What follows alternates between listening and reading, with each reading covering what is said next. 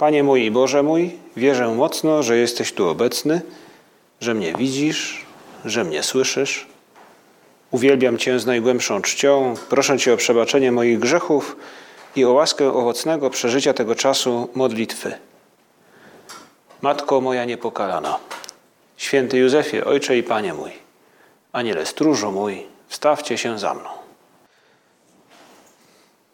To nasze wieczorne spotkanie przy tabernakulum jest spotkaniem, w którym chcemy rozmawiać z Chrystusem. Dlatego na samym Jego początku dobrze jest, abyśmy nasze myśli zwrócili ku Niemu i oczyścili naszą wyobraźnię z tego wszystkiego, co jest jakby poza naszą relacją z Chrystusem. Kochamy świat, kochamy nasze zajęcia, nasze pasje, ale właśnie teraz, Panie Jezu, jesteś, jesteśmy blisko Ciebie, abyś Ty mógł nam powiedzieć, co chcesz. Jak wiele zależy od tego, czy nasza wyobraźnia pozbawiona będzie impulsów, bodźców z naszego telefonu, z wydarzeń, które miały miejsce jeszcze może kilkanaście minut temu, z tego, co będzie działo się już za chwilę. Panie Jezu, pomóż nam właśnie teraz na początku skupić się w takim stopniu, abyś mógł nam powiedzieć, co chcesz, aby to do nas dotarło. Dlatego staramy się wyciszyć zewnętrznie i wewnętrznie, i w takiej atmosferze z naszego serca może popłynąć modlitwa z serca każdego z nas na jego osobisty sposób, w ciszy. Ten dialog, o którym wie tylko Chrystus i my. On i ja.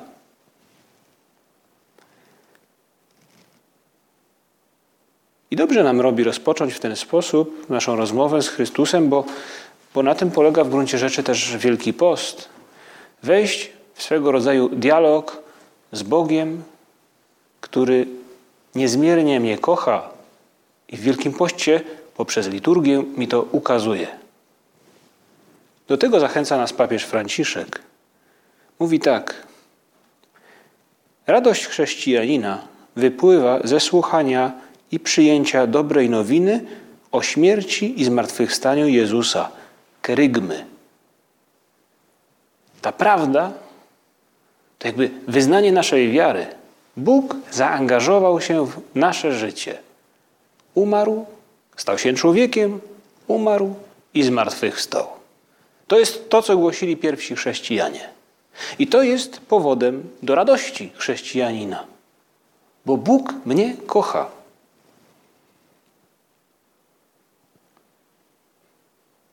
Radość chrześcijanina wypływa ze słuchania i przyjęcia dobrej nowiny o śmierci i zmartwychwstaniu Jezusa, kerygmy. Streszcza ona tajemnicę tej miłości, która jest tak realna, tak prawdziwa, tak konkretna, że oferuje nam relację pełną szczerego i owocnego dialogu. Panie Jezu, pomóż nam popatrzeć na to, co dzieje się z Tobą w tym wielkim poście i wejść właśnie w taki dialog człowieka, który jest Ci wdzięczny, który, który podziwia to, co Ty czynisz dla, dla Niego. Pomóż nam naśladować tych, którzy potrafili to docenić i zakochać się w Tobie. Bez jakichś sentymentalnych egzaltacji, ale tak na poważnie. Pomóż nam, żeby to do nas dotarło. Taki chcemy, aby był ten wielki post. Aby to dotarło do nas i aby ta prawda o Twojej miłości do nas zmieniła nasze, nasze życie, tak jak zmieniła życie pierwszych chrześcijan, ludzi z dziejów apostolskich. Poznawali Ciebie, często poprzez głoszenie tej prawdy przez innych, przez apostołów, poznawali Ciebie i zmieniali swoje życie. Dlatego papież orędzie, taki list, który napisał na ten Wielki Post, zatytułował cytatem ze świętego Pawła. W imię Chrystusa prosimy, pojednajcie się z Bogiem. Nawróćcie się. Zmień życie. Zmień życie, gdy dostrzegasz, że Bóg Cię kocha. Oto czas przed nami, w którym możemy poznać lepiej Boga, w którym możemy z Nim jakby podziwiać to, co dla nas czyni i możemy z Nim też rozmawiać. Lepiej się modlić. Do tego zachęca nas papież. Kontempluj to, co, co Bóg czyni dla ciebie, ale zobacz, to cię popycha do tego, to każdego z nas popycha do, do relacji pełnej szczerego i owocnego dialogu. I może dobrze, abyśmy dzisiaj sobie wyobrazili, uświadomili, z kim my właściwie rozmawiamy.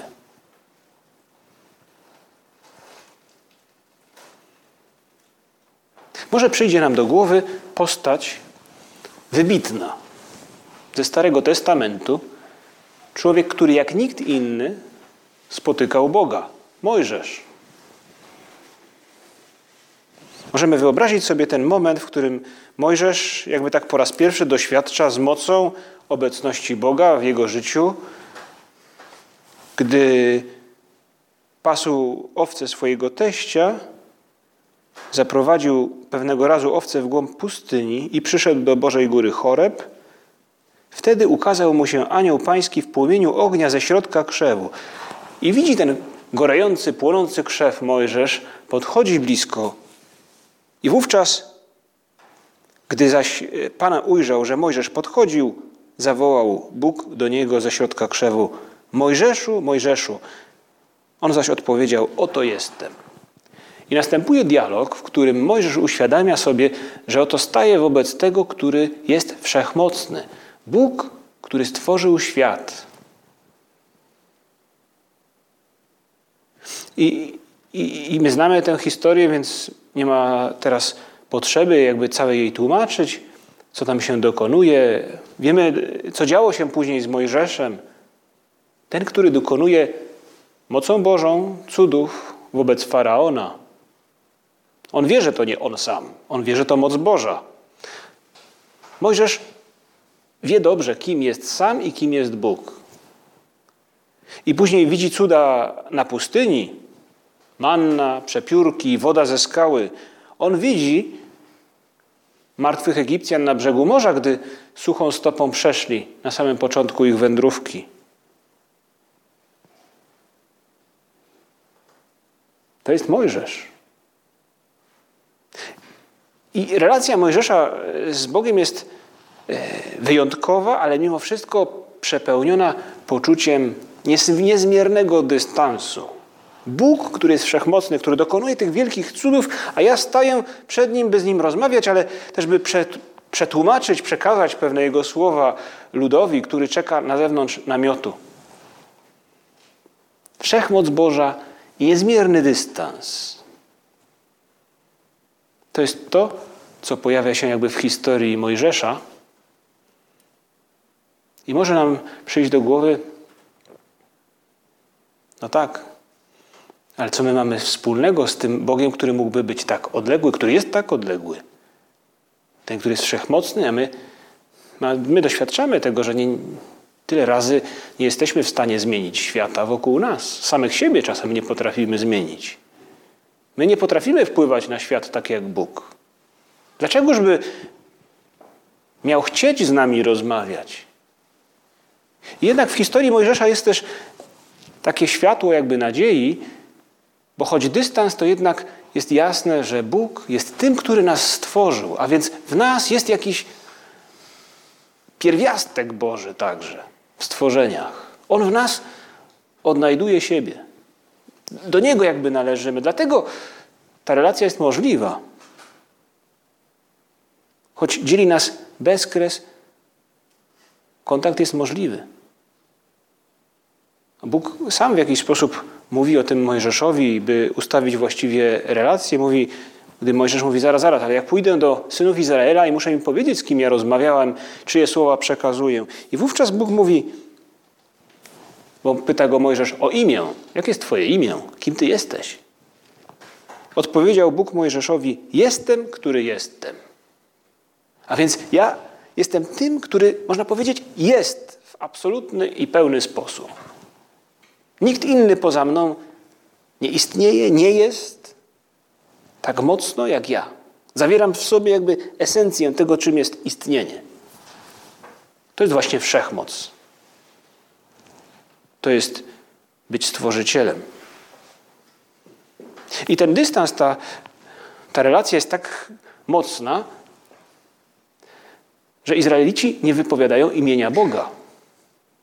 Nazywają go Panem, Adonai. Ale te słowa ja jestem wypowiada się w bardzo nielicznych tylko sytuacjach.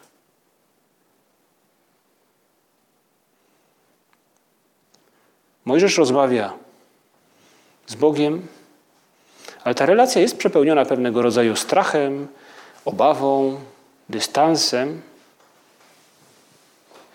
A my stajemy za zachętą Ojca Świętego, stajemy na początku tego Wielkiego Postu przed perspektywą spojrzenia na Ewangelię i zobaczenia, co mówi nam Chrystus o relacji z Bogiem.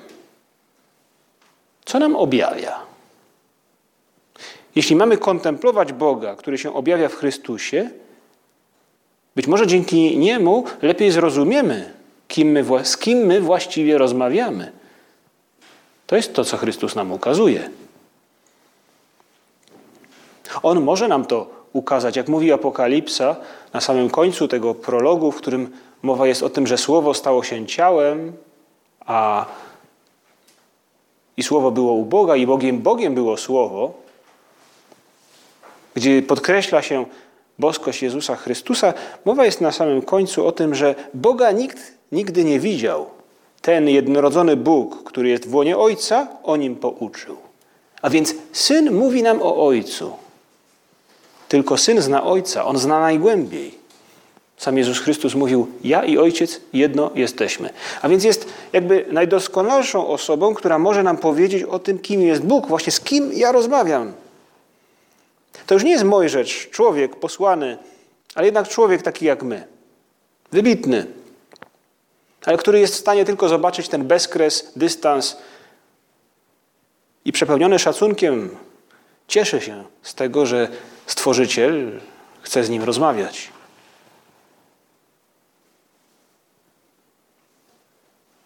W Księdze Powtórzonego Prawa ukazany jest Mojżesz z jednej strony jako ten wybitny,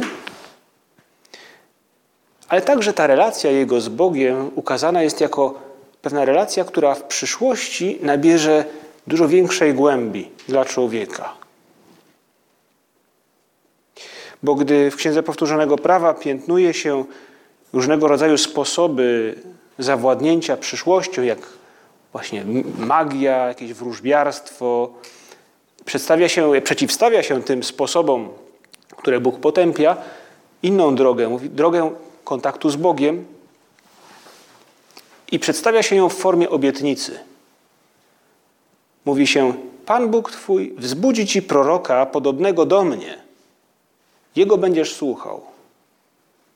A więc tym wszystkim sposobom tłumaczenia świata w ludzki sposób Bóg mówi: będzie ktoś, pojawi się ktoś, taki jak Mojżesz, w stylu Mojżesza, który będzie mówił głosem Bożym. Ale na koniec Księgi Powtórzonego Prawa pojawia się taka jakby nostalgiczna, nostalgiczne stwierdzenie. Nie powstał więcej w Izraelu prorok podobny do Mojżesza. To się nie wydarzyło. Ta zapowiedź jest jakby niespełniona. Z jednej strony to nostalgia, z drugiej strony to też nadzieja, a więc jeszcze ma szansę powstać. I mówi dalej, nie powstał więcej w Izraelu prorok podobny do Mojżesza, który by poznał Pana twarzą w twarz.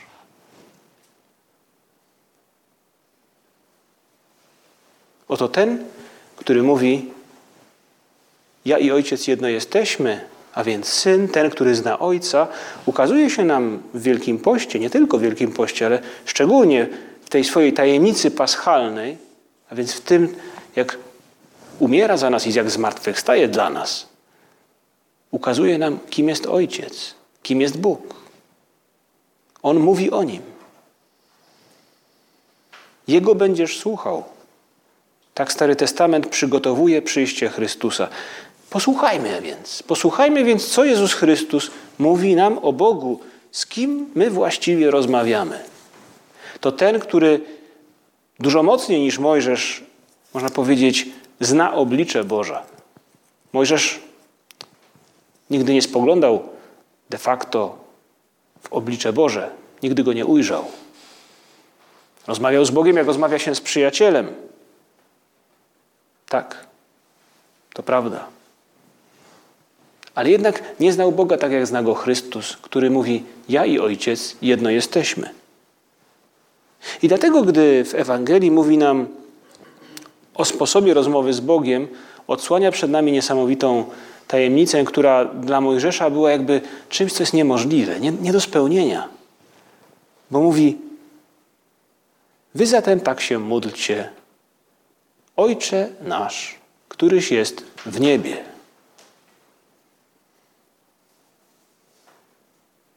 Nagle wszystko się zmienia. Zamiast rozmawiać z kimś niesamowicie odległym, rozmawiam z Ojcem. To jakby perspektywa dystansu zostaje zastąpiona perspektywą, dynamiką miłości kogoś, kto kocha.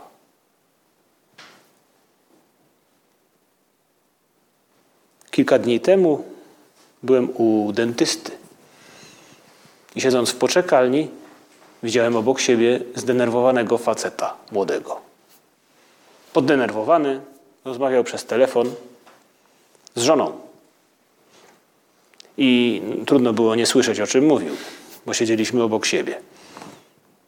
I zaczął tłumaczyć z tej wypowiedzi, z tej rozmowy, zrozumiałem, że przyszedł z małym synem i syn właśnie jest u dentysty, a on w poczekalni. I tłumaczył żonie, mówił, e, słuchaj, tu doktor powiedział, e, no wiesz, piątkę mu usuwają.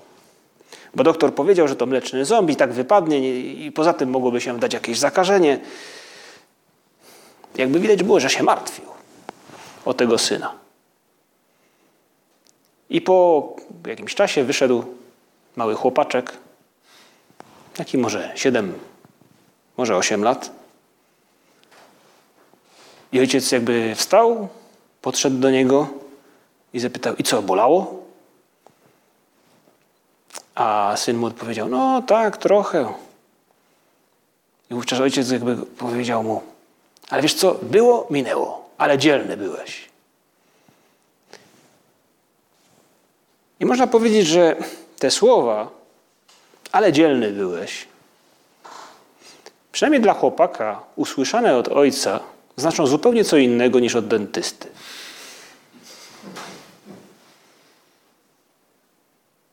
I może to nam pomoże zrozumieć także właśnie to, co Chrystus nam objawia, co nam mówi o Ojcu. To też jest przejaw miłości Boga do nas, że nam to tłumaczy, że nam to objawia, bo moglibyśmy tego nie wiedzieć, moglibyśmy tego nie, nie dostrzec, nie zauważyć. Jezus uczy nas, jak zwracać się do Ojca, żeby to synostwo nasze jak najgłębiej wpłynęło na nasze życie.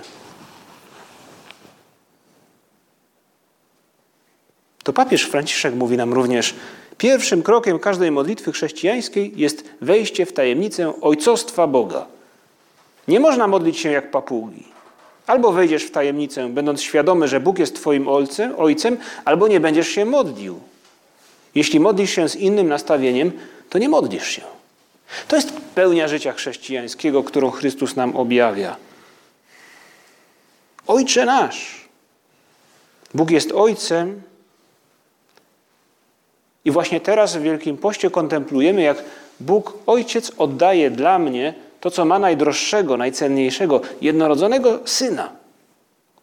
I właśnie w tym wymiarze wszechmoc Stworzyciela, tego, który panuje nad czasem, nad przestrzenią, który zmienia świat, ta wszechmoc łączy się z bliskością. Papież Franciszek lubi mówić z czułością po włosku la tenerezza, czułość. I mówi w jednym ze swoich listów, dokumentów, mówi w ten sposób, porównuje tę miłość Boga e, do człowieka, do pewnych tekstów w Starym Testamencie, w którym też jest jakby, jakby to się jakby zaznacza, jakby trochę się insynuuje, Gdy prorok Ozeasz umieszcza w ustach Boga jako Ojca następujące poruszające słowa, w jaki sposób Bóg traktuje Izraela. Właśnie możemy zobaczyć w tym także, jak Bóg traktuje każdego z nas. Miłowałem Izraela, gdy jeszcze był dzieckiem. Uczyłem chodzić Efraima. To jest właśnie to, co czyni ojciec wobec ukochanego dziecka. Pociągnąłem ich ludzkimi więzami, a były to więzy miłości. Byłem dla nich jak ten, co podnosi do swego policzka niemowlę. Schyliłem się ku niemu i nakarmiłem go. Panie Jezu, my dzięki tym słowom Twoim, ale także dzięki temu kontekstowi ze Starego Testamentu, zarówno temu kontekstowi, w którym rozmawia z Tobą Mojżesz, jak też i temu, w którym widać miłość Twoją, miłość Bożą ku człowiekowi, jako właśnie miłość Ojca ku małemu dziecku, my teraz dużo lepiej rozumiemy, z kim rozmawiamy, gdy się modlimy. Do kogo się zwracam?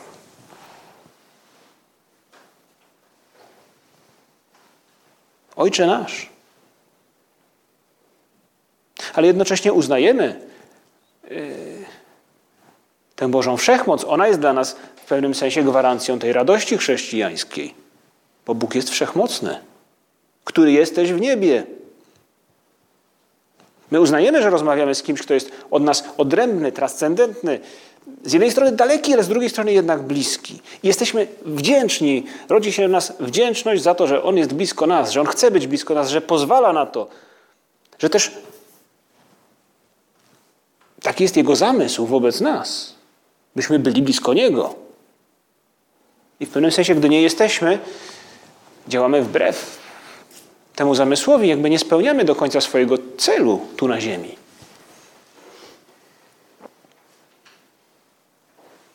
I dalej mówi nam Jezus Chrystus, właśnie no mów, zwraca się do, do Boga jak do Ojca. Ojcze nasz, który jesteś w niebie, a więc Ty jesteś i Ojcem, a jednocześnie tym, który gwarantuje, że te wszystkie obietnice e, się zrealizują, że Twoja bliskość, że ta bliskość będzie rzeczywistością, bo jest wszechmocny, bo jest w niebie. To nie tylko ludzkie obietnice. Niech się święci Twoje imię, mówi nam Chrystus. A więc uznaj też panowanie, tę wszechmoc. Nie tylko bądź wdzięczny, że chcę być blisko Ciebie, ale też uznaj, że jest to wszechmoc, moc, która przewyższa siły natury, siły fizyczne i siły duchowe. Nas, ludzi, tutaj, na ziemi. Święty Paweł w liście do Filipian mówi o tej mocy, którą, która jest jakby udziałem Chrystusa dzięki jego posłuszeństwo, dzięki temu, że jest Synem Bożym. Bo mówi tak, ponieważ Chrystus był posłuszny, ponieważ uniżył się i umarł za nas na krzyżu, dlatego też Bóg go nad wszystko wywyższył i darował mu imię ponad wszelkie imię, aby na imię Jezusa zgięło się każde kolano istot niebieskich, ziemskich i podziemnych i aby wszelki język wyznał, że Jezus Chrystus jest Panem. A więc ta wszechmoc objawia się w imieniu, na które zgina się wszelkie kolano. Oczywiście to wyrażenie, można powiedzieć, nie chodzi o to, nie chodzi może do końca o wyrażenie dosłowne, ale właśnie zgina się kolano jako właśnie, że pada przed nim na twarz, byśmy może wyrazili to jeszcze, jeszcze mocniej. Każda inna moc pryska, łamie się, kruszy. I siły natury, i siły intelektu ludzkiego, i ducha, i woli. Imię, na, którą, na które rozstępują się wody Morza Czarnego. To jest imię, na które padają mury Jericha. W to imię Dawid pokonuje Goliata. W to imię Judyta pokonuje Holofernesa. W to imię to, co słabe, staje się mocne. Syn, Bóg człowiek, który umiera, przezwycięża śmierć i daje życie człowiekowi. I to wszystko w tych kilku słowach, które każdy z nas może kierować do Boga każdego dnia. Ojcze nasz, który jesteś w niebie, niech się święci Twoje imię. Ale mówimy też, niech przyjdzie Twoje królestwo, bo jesteśmy chrześcijanami, jak ci pierwsi. I nasza relacja z Bogiem jako Ojcem przecież związana jest też z nadzieją, że będziemy z Nim przez wieczność, z tym wszechmocnym, który jest Ojcem, który mnie kocha, który, jak mówi Stary Testament, traktuje mnie jak ojciec dziecko, które uczy chodzić, jak ktoś dorosły niemowlę, które podnosi do swojego policzka. Nadzieja chrześcijanina, która powoduje, że walczymy, że staramy się, bo nie wszystko tu na tej ziemi prowadzi nas do bycia z Ojcem. I widać to w katakumbach chrześcijańskich, jak na grobowcach pojawiają się jako zdobienia elementy, które, instrumenty, które służyły gladiatorom właśnie wówczas do oczyszczania swojego ciała z piasku na arenie po zwycięstwie. Pewnego rodzaju jakby grzebienie, takie esy floresy, które są typowe dla katakumb czy dla, dla jakichś rzeźb w katakumbach chrześcijańskich, były znakiem tego, że walczymy tu na ziemi. My, chrześcijanie, walczymy. O, po to, żeby być z Ojcem, który nas kocha. Dlatego my, Panie Jezu, też widzimy przed naszymi oczyma może te, te nasze walki y, z tych dni, te, które może podjęliśmy sobie w Wielkim Poście, wybraliśmy jako takie postanowienia dotyczące no, pracy nad sobą, jakiejś, czegoś z naszym charakterem, czegoś dotyczącego naszej pracy, relacji z innymi ludźmi. A samo nie wychodzi, my, my to wiemy. Ale jak dobrze, że w tym jest nadzieja na to, że będziemy z Tobą. My nie robimy tego po to, żeby być super ludźmi. My robimy to, bo Cię kochamy, bo dostrzegamy, jak wiele od Ciebie otrzymaliśmy, jak wielka jest Twoja miłość. Dlatego też prosimy Cię o przebaczenie za nasze winy, bo żal nam, że zasmuciliśmy kogoś, kto nas kocha. Zwracamy się do Ciebie z prośbą o ten chleb powszedni, tak Jezus Chrystus nas też uczy, bo wiemy, że nic naszego nie jest Ci obce. I prosimy Cię też o pomoc, byśmy nie ulegli pokusie. Bo wiemy, że łatwo jest upaść. Wiemy, że łatwo jest nam nie być z Tobą, a jednak chcemy, pragniemy tego i wierzymy, że Ty nam pomożesz, bo jesteś wszechmocny. Jesteś Ojcem, który jest wszechmocny.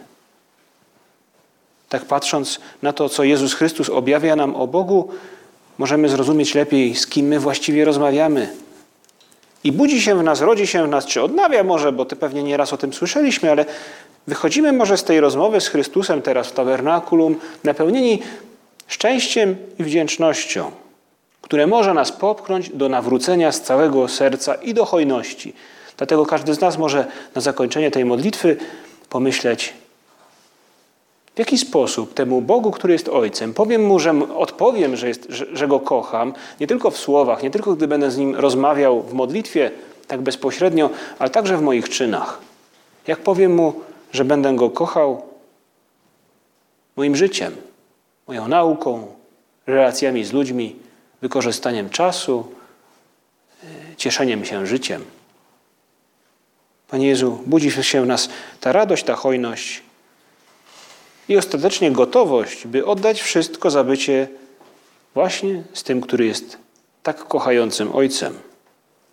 My, Panie Jezu, chcemy uczynić wszystko, aby nie odłączyć się od Niego, aby być z Nim, aby być ludźmi szczęśliwymi. Dzięki Ci składam, Boże mój, za dobre postanowienia, uczucia i natchnienia, którymi obdarzyłeś mnie podczas tych rozważań. Proszę Cię o pomoc w ich urzeczywistnieniu. Matko moja niepokalana, święty Józefie, Ojcze i Panie mój, Aniele stróżu mój, wstawcie się za mną.